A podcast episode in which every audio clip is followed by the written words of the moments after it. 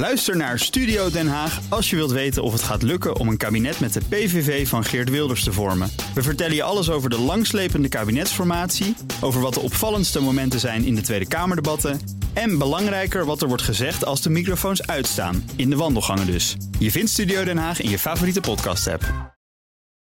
BNR Bouwmeesters wordt mede mogelijk gemaakt door Bouwend Nederland. De bouw maakt het. BNR Nieuwsradio. Bouwmeesters. Welkom bij BNR Bouwmeesters voor de bedenkers, bouwers en bewoners. Minister van Veldhoven heeft woord gehouden. Binnen de afgesproken tijd ligt er een nieuwe norm voor PFAS. Eerst mocht er 0,1 microgram PFAS in een kilo grond zitten. En nu is dat verachtvoudigd naar 0,8 eh, microgram. Maar deze norm is nog steeds tijdelijk. Eind volgend jaar komt de minister pas met een definitieve norm. Dus zijn alle bouwers hiermee ook echt geholpen? Hoe zit het met de baggeraars? En de aanleiding van ons mini-college over PFAS vorige week hebben we nog meer vragen. Waarom is PFAS überhaupt nog niet verboden? En wie gaat daarover? Kunnen we PFAS niet bij de bron aanpakken?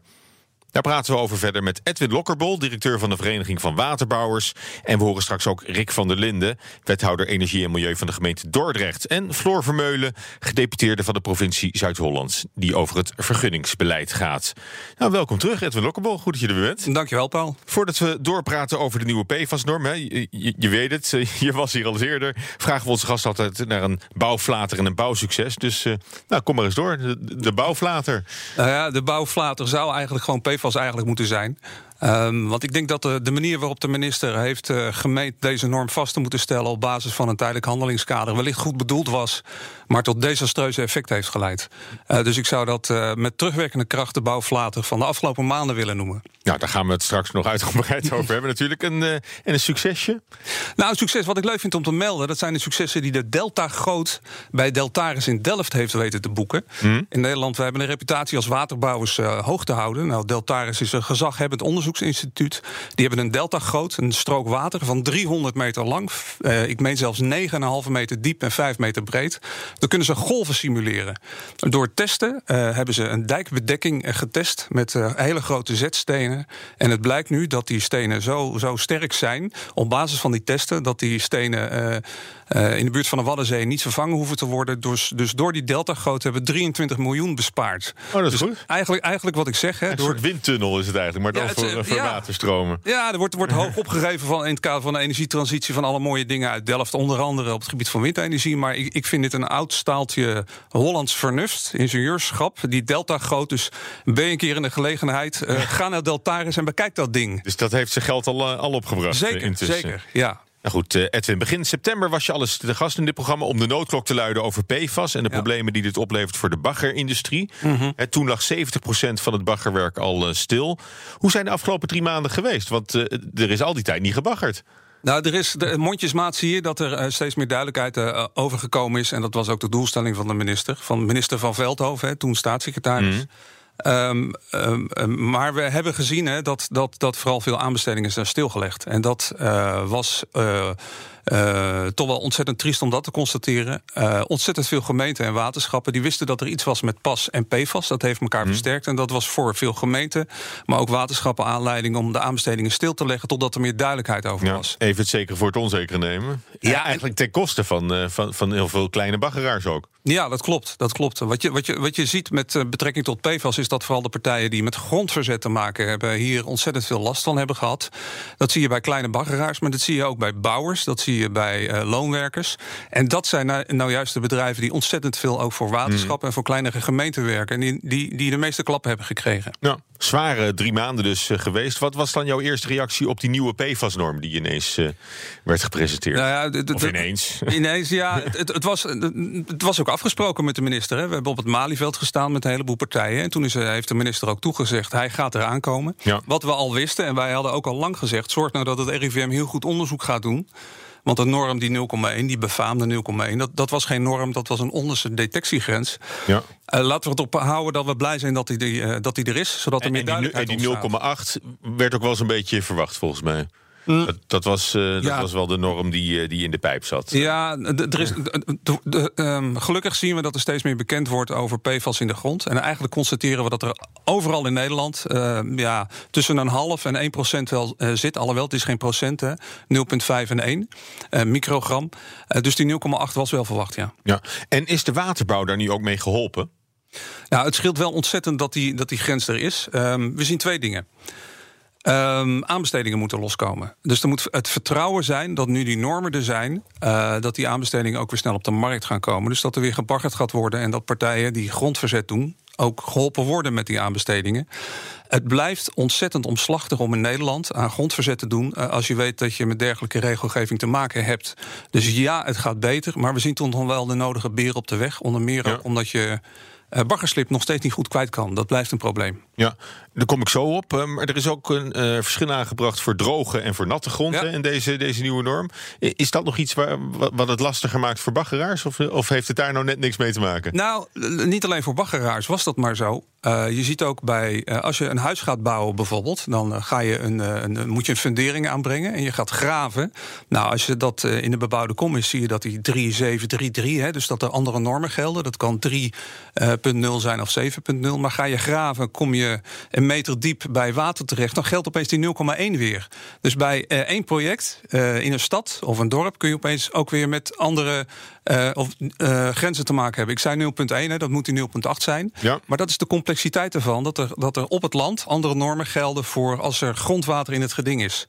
Dat ja. maakt het complex. Hebben jullie intussen al kunnen berekenen of in beeld kunnen brengen wat de werkelijk geleden schade is voor jouw achterban? Nou, ik heb eerder gezegd dat honderden miljoenen aan aanbestedingen achterop geschoven zijn. Hè? Uh, dus dat zou je als schade kunnen betitelen. Uh, wij hechten er ook aan om daar onafhankelijk onderzoek naar te doen. Dus we hebben het Economisch Instituut Bouw opdracht gegeven om dat gewoon eens te gaan becijferen. En, en dat onderzoek dat loopt nu. Dat wordt binnenkort een, een rapport verwacht. Ja, ja nou, het duurt nog wel enige maanden omdat we het uh, heel goed willen doen.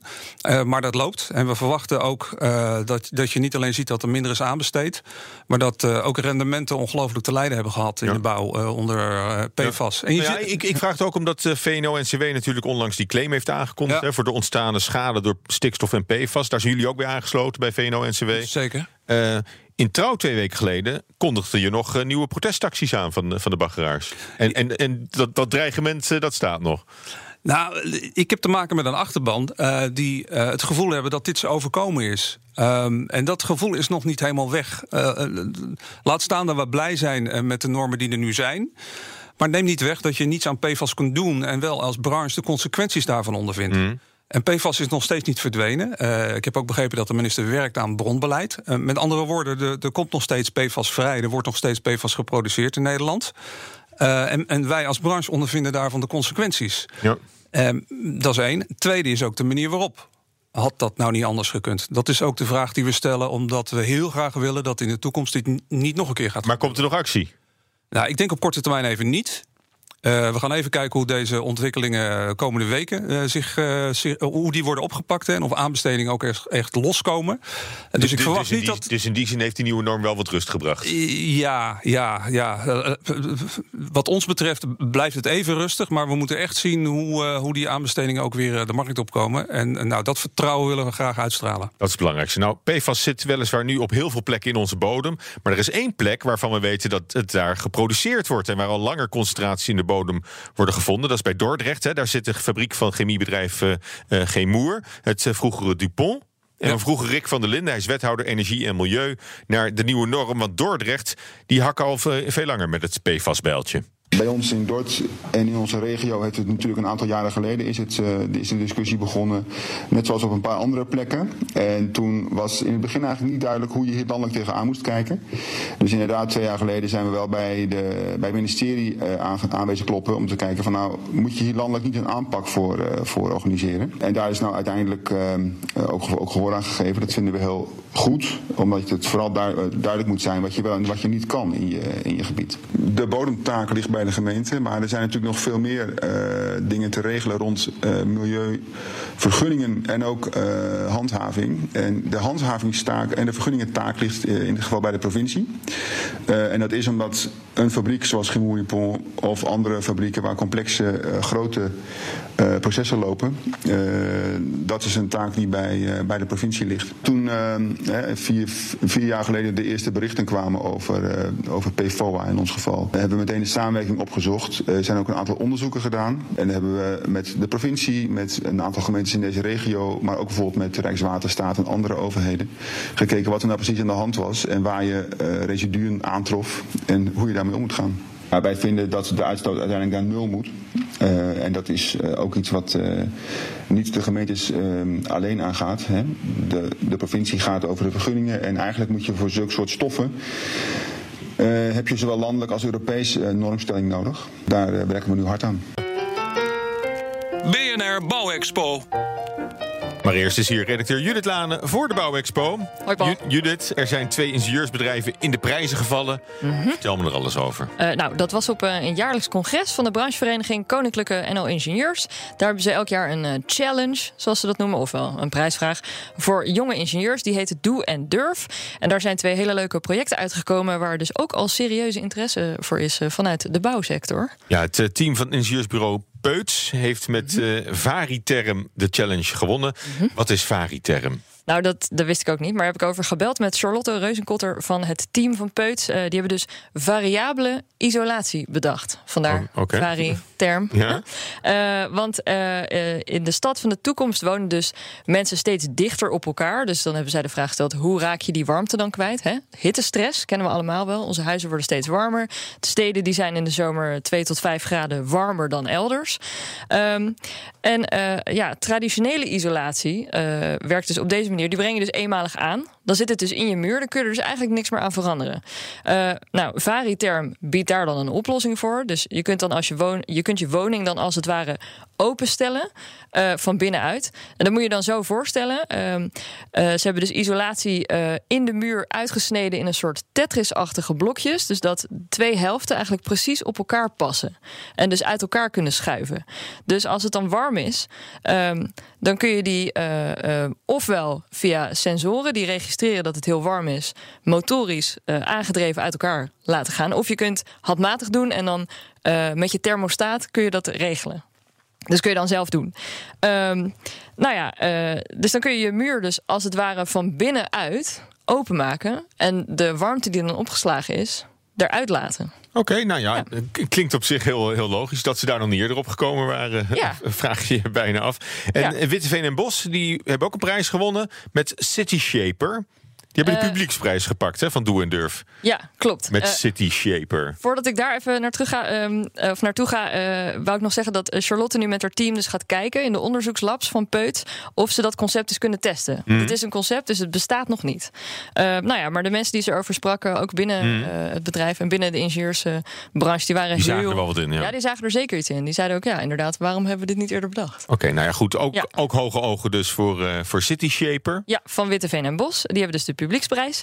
Uh, dat is een 3D-ontwerpspel voor gebiedsontwikkeling. Uh, daarover heb ik ook even gebeld met Ruben Hansen van het team.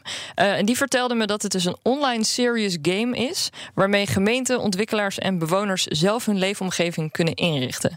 Nou, dat is eigenlijk een soort antwoord op de omgevingswet... die eraan zit te komen. Die gaat, als het goed is, 1 januari 2021 in. Dus nou, ja, nu over ruim een jaar...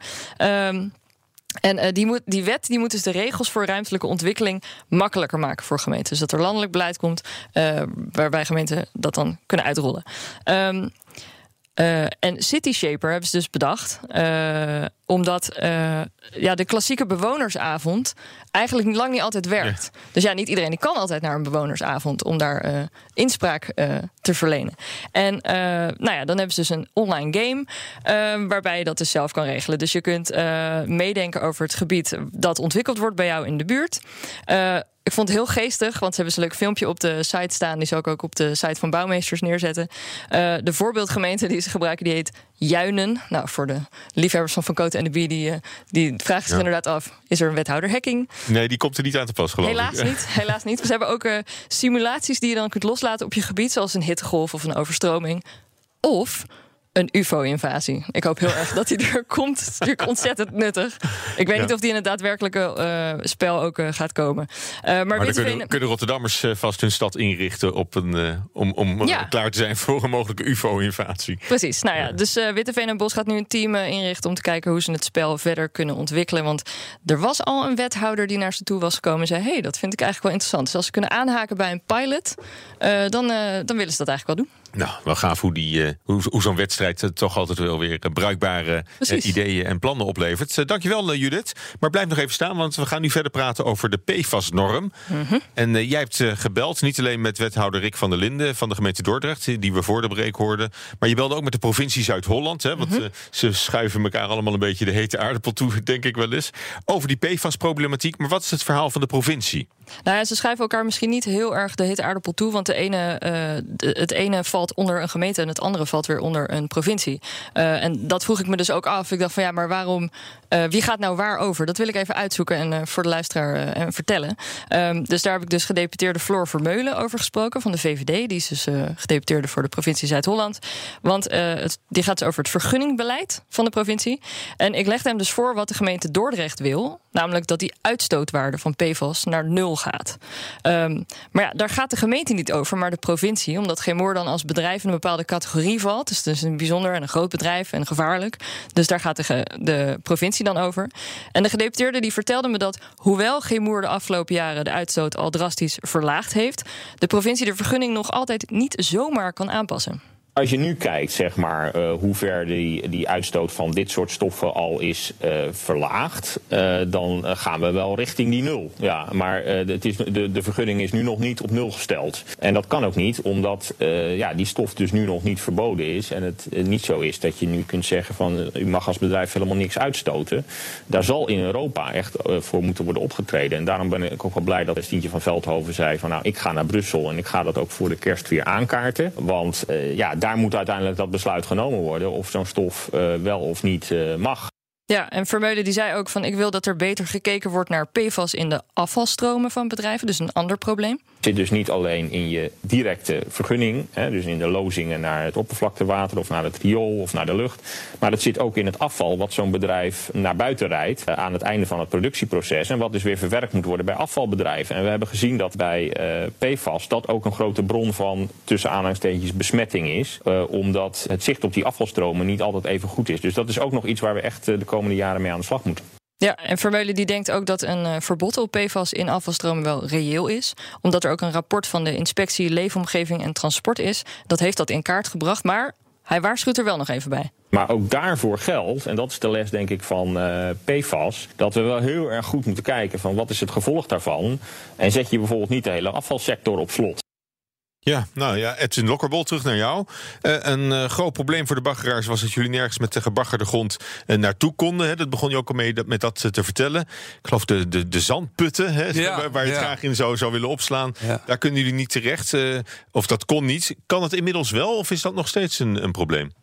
Nou, ik, ik ga toch even in op wat Judith net zei. Het, het tekent de complexiteit. We hebben met gemeenten te maken, we hebben met provincies te Europa. maken. We hebben met Europa te maken. En dat is ook wat we vanaf het begin gezegd hebben. Eh, simpel een normtje veranderen helpt Mhm. niet. Eh, dus we hebben, moeten het van gemeenten hebben, van, van provincies hebben. We moeten bodemkwaliteitskaarten inventariseren. Het moet ontzettend veel gebeuren de komende twee jaar. Om PFAS eh, werkbaar te houden. En om te zorgen dat die stof verdwijnt. Je vraag over zandputten. Eh, er zijn er nu eh, drie rijksdepots opengesteld. Van die hele grote verzamelputten. waarin ook eh, wat zwaarder gekwalificeerd baggerschikking kan. Er zijn er 16 bijgekomen. Dat zijn putten die in verbinding staan met doorgaande rivieren en vaarwegen. We hebben er nog 50. En in die 50 die we echt wel nodig hebben, mag nog steeds niet zoveel. Of je moet een aanvullende vergunning hebben. En die procedures om te komen tot vergunningverlening, die duren ook een half jaar. Dus ehm, eh, ik heb begrepen dat, ehm, dat Rijkswaterstaat bezig is met onderzoek om toch te kijken of de helft van die 50 putten opengesteld kunnen worden. Dus ehm, eh, in het begin was de vraag: ben je er blij mee? Eh, ja, blij met, met deze norm. Maar we zijn er nog niet wat betreft het opruimen van obstakels. De helft van de zandputten, dat is de verwachting over een aantal maanden, die blijft nog steeds dicht. Hm.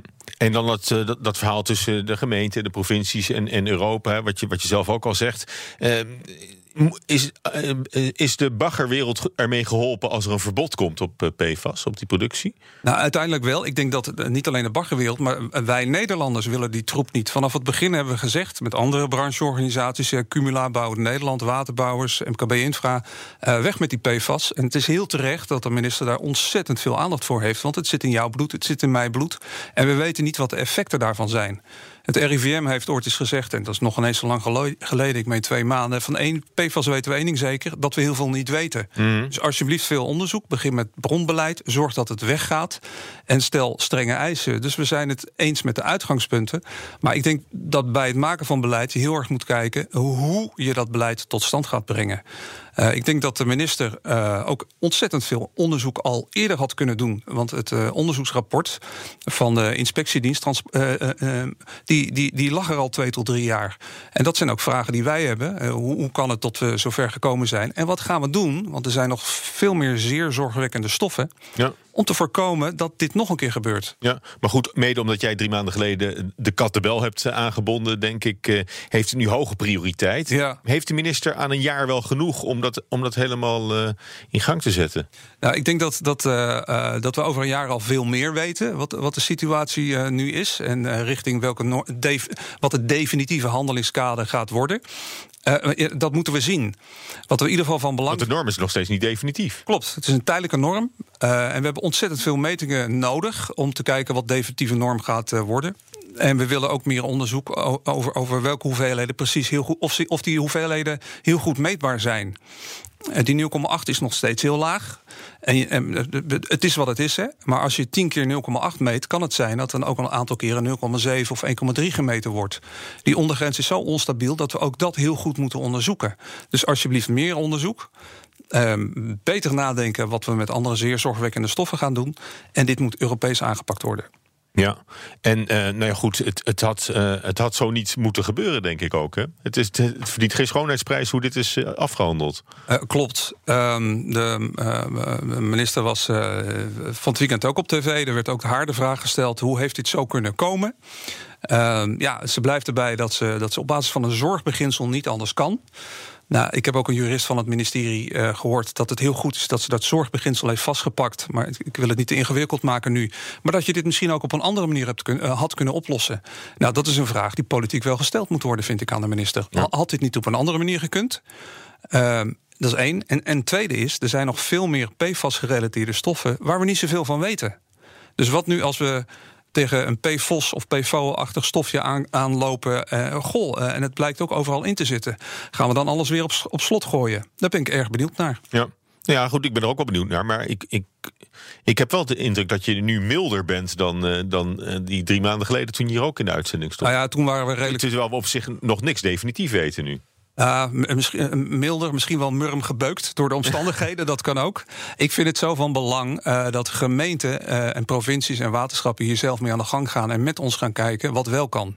Um, ik heb geen goed woord over hoe dit zover heeft kunnen komen. Dus uh, ja, het is, het is vooral terugkijken nu. Uh, wat wij proberen te doen is ook vooruit te kijken... om te zien waar mm. we mhm. perspectief uh, kunnen vinden. We blijven tegen problemen aanlopen met de afzet van baggerslip. we blijven zitten met ongekend veel onderzoek dat moet plaatsvinden. We blijven zitten met, met grond dat je niet kan verplaatsen door Nederland. En we blijven zitten met, met grond dat rondgereden gaat worden... naar mm. zandputten. en de stikstofuitstoot die, die, die, die gaat alleen maar toenemen. Dus ik wil niet alleen maar de nadelen benadrukken nu... maar daar gaan we ongetwijfeld mee te maken krijgen. Maar wat heeft nou de hoogste urgentie op de heel korte termijn? Uh, of, of, of zie ik het goed dat het eigenlijk allemaal een beetje op de lange baan is geschoven? Dat, dat we het komende jaar nog veel meer. Nee, we, hebben ontzettend veel metingen nodig om uh, te komen tot een definitieve norm. Dit is echt een tijdelijke, tijdelijke norm die met uh, uh, ja, veel druk hè, onder hoge spanning tot stand gekomen is. En de minister heeft ook gevraagd aan het bedrijfsleven om met al die metingen te komen, zodat we een gemeenschappelijke norm konden vaststellen. En we hebben nog veel meer metingen nodig, dus dat moet gebeuren. Dat is één. Twee, veel betere Europese afspraken. Want de norm in Duitsland en België hmm. ligt uh, zeven keer zo hoog of acht keer zo hoog. En ten derde, we moeten kijken uh, wat we met die andere zeer zorgwekkende stoffen gaan doen. Nou, dus uh, nou, het blijven boeiende maanden, denk ik. Zeker, en hele drukke maanden, ja. nou, dankjewel dat je er weer over hebt uh, willen vertellen in BNR Bouwmeesters. Uh, dat was het voor deze week. Tips kunnen naar bouwmeesters.bnr.nl of via Twitter BNR Bouw. En deze uitzending is zoals altijd terug te luisteren via podcast of via de BNR-app en bnr.nl. Tot volgende week. BNR Bouwmeesters wordt mede mogelijk gemaakt door Bouwend Nederland. De bouw maakt het. Ook Liesbeth Staats vind je in de BNR-app. Ja, heel handig. Luister live naar Kees en mij tijdens de Daily Move. Dan blijf je ook gelijk op de hoogte van breaking news en het laatste zakelijke nieuws. En daar vind je ook alle BNR-podcasts, waaronder de Perestrooikast. Download nu de gratis BNR-app en blijf scherp.